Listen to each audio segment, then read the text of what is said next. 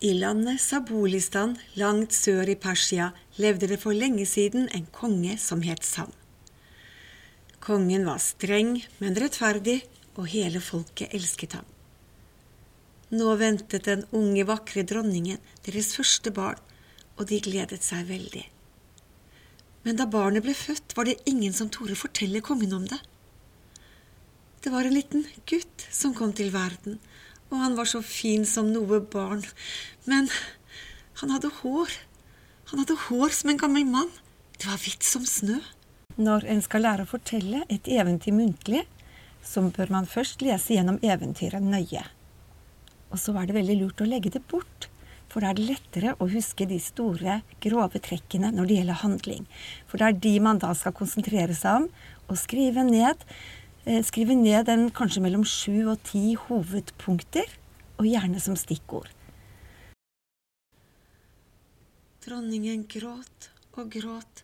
Hun var redd for at kongen ikke ville ha sønnen sin fordi han ikke var som andre barn.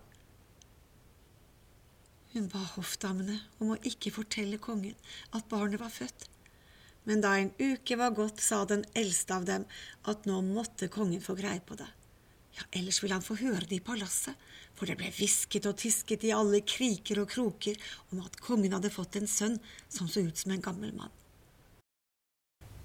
Da jeg jobbet med eventyret Sal den hvithårede, så ble mine punkter sånn som det her, som jeg satte under hverandre som en liten liste. Prinsen født hvithåret blir forkastet av kongen. Dronningen forlater sin mann. Barnet etterlates i fjellet adoptert av ørnen Simorg. Kongen angrer. Gjenforening. Hjemkomst og fest. Dette blir selvfølgelig veldig magert når du skal fortelle, du trenger jo mer. Og da er det at det er lurt å skrive ned en del substantiv som utfyller. Og sånn kanskje mellom fem og ti substantiv. Det vil jo variere, men det gjelder her også å ikke ende opp med for mange. Mine substantiv her, det ble hoffdame, fjell, reir, ørnunger, karavane, drømmer, stjernetydere og fjær. Og etter å ha gjort dette, så er det verbene som det er lurt å liste opp. Og da går man jo på en måte gjennom handlinga på nytt i kronologisk rekkefølge. Og alt dette her hjelper jo til at man husker det etterpå. Mine verb de ble føde, skjule, forkaste, lengte, drømme, rådspørre og finne. Og til slutt så lager jeg en liste over følelser som jeg på en måte gjenkjenner i fortellinga. Følelser, følelser som de ulike aktørene har. Og her skrev jeg opp forventning, forferdelse, forakt, kjærlighet, raseri, sorg og glede. Dette ble mine ord, og det er klart når andre jobber med eventyr, så kan det hende de plukker ut noe annet, men en del vil jo naturlig gå igjen. Da skjønte dronningen at hoffdammen hadde rett, og hun sendte henne av gårde for å hente kongen. Dronningen trykket barnet sitt inntil seg og sa, Kjære vennen min, jeg er sikker på at din far kommer til å bli like glad i deg som jeg er. Men for sikkerhets skyld tok hun et klede, et tøystykke, og la det over håret hans. Hoffdamen skyndte seg inn i kongens sal og sa, Konge, du er velsignet med en vakker liten gutt. Han er sterk, han blir sikkert en like flott kriger som sin far. Det er bare det at håret hans Men hun fikk ikke avsluttet. Kongen var allerede på vei ut av salen. Han løp av gårde for å se sin nyfødte sønn og dronningen sin. Og så, til slutt, så er det det å lage en tegneserie av handlingen i eventyret. Og da syns i hvert fall jeg det er veldig lurt å gjøre det kronologisk, eh, sånn at du får en rød tråd episode for episode. Og da tegner man jo inn det man ønsker å huske. Og her gjelder det ikke tegneferdigheter. Det har faktisk ingen som helst betydning. Man kan bruke strektegninger, pinnemennesker, bare man selv skjønner hva man tegner. Så holder det i bøtter og spann. Eh, veldig god hjelp for hukommelsen, som sagt. Da han kom inn til henne, kysset han henne og bøyde seg over vogga for å se på sønnen sin. For en flott gutt han er, sa kongen stolt og strøk barnet kjærlig over kinnet. Men i det samme falt kledet av, og kongen så guttens hår. Han er ingen velsignelse, han er ingen gave fra Gud, ropte kongen. Alle kommer til å si at kongen i Sabolistan fikk en gutt som så ut som en gammel mann da han ble født. Bort med han! Og så er det det at når man skal begynne da å øve på å fortelle muntlig og legge teksten bort, så kan det være et veldig lurt knep å først ta tida tvinge seg til å fortelle hele eventyret fra A til Å på to minutter. Og så gjerne på ett minutt. Og dette går faktisk, selv om eventyret er aldri så langt. Og da sitter man jo igjen med en bitte liten kjerne, konsentratet, av fortellinga. Men dronningen ble rasende, og hun ropte, Hvis du sender ham bort, så får du aldri se meg mer. Det er mitt barn også. Men kongen hørte ikke på henne. Kongen sendte bud på en av sine menn og beordret at han skulle ta med seg gutten ut av palasset og ri ut i ødemarka og forlate ham. Og det ble gjort. Den vesle gutten ble tatt med opp på hesteryggen og mannen red av gårde, helt ut til de øde abortsfjellene. Og der la han fra seg prinsen ved foten av det høyeste fjellet, Demavand, og forlot ham. Og så er det at man må bygge ut igjen. Og fortelle alt man husker, og legge inn detaljer. Og da er det veldig, veldig lurt å lese gjennom eventyret på nytt. For da vil man jo oppdage det man kanskje har glemt og vil ha med. Og så er det bare å øve på å fortelle mange nok ganger til at du føler deg trygg nok til å gå inn i klasserommet og gi den til elevene. Det var en iskald natt. Prinsen frøs, og han var så sulten han skrek og skrek. Men oppe på toppen av Demavantfjellet, der lå den store ørnen Simorg og voktet ungene sine i reiret. Hun hørte skrikene fra det vesle barnet der nede, og hun var på jakt etter mat til ungene sine, så hun stupte ut av reiret, nedover og nedover, bredt ut vingene og tok prinsen i klørne og fløy opp i reiret med ham.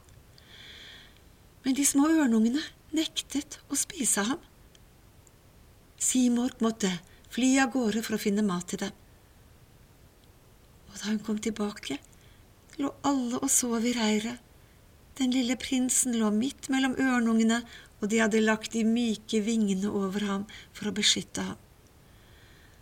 Da ble Simorg så rørt at hun bestemte seg for å oppdra gutten som sitt eget barn, og sånn ble det.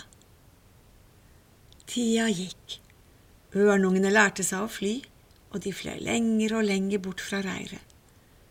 Men prinsen hadde jo ikke vinger men han løp og klatret i fjellsidene rundt omkring, lenger og lenger bort, han også. Årene gikk.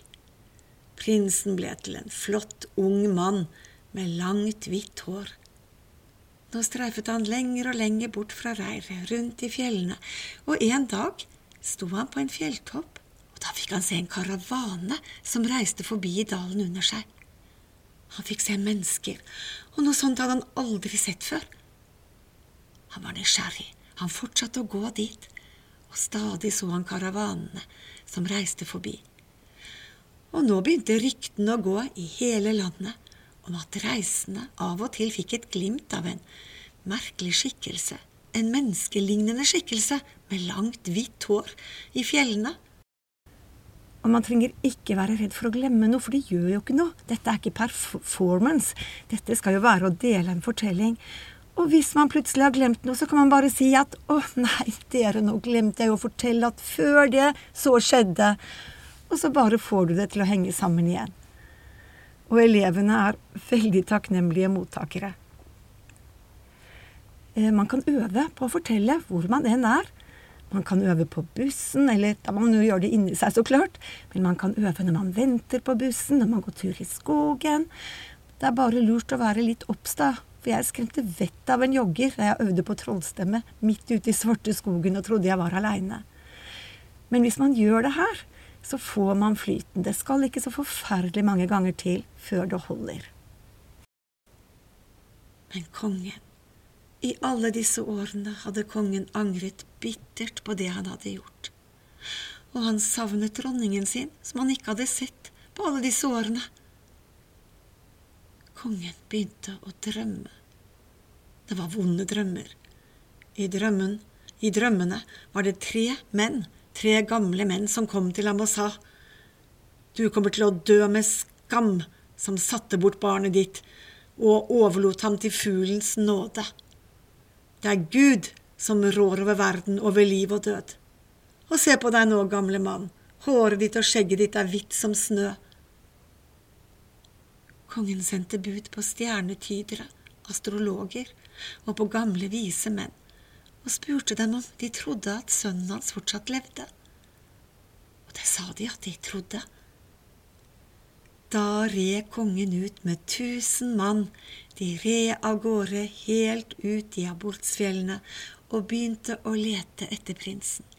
De lette i kløfter, de lette i dalsider, de lette overalt, men de fant ham ikke. Oppe på fjelltoppen lå Simorg og så på dem. Da kalte hun på prinsen og sa, Kjære vennen min, nå er tida inne til at du må forlate meg og dra til dine egne.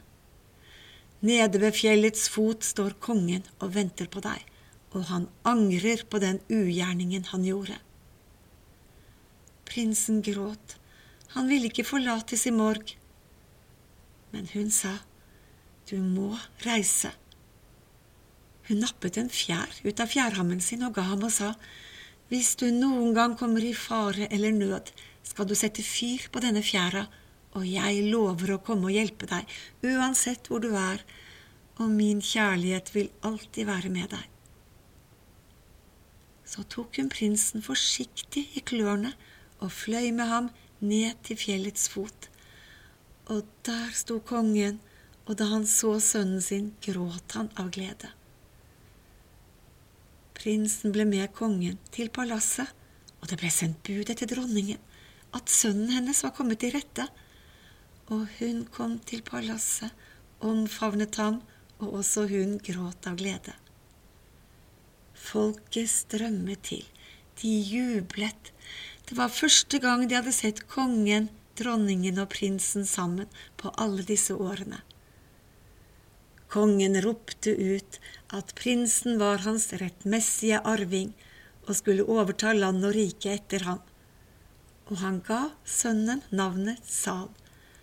Og fra den dagen gikk han under navnet Sal den hvithårede.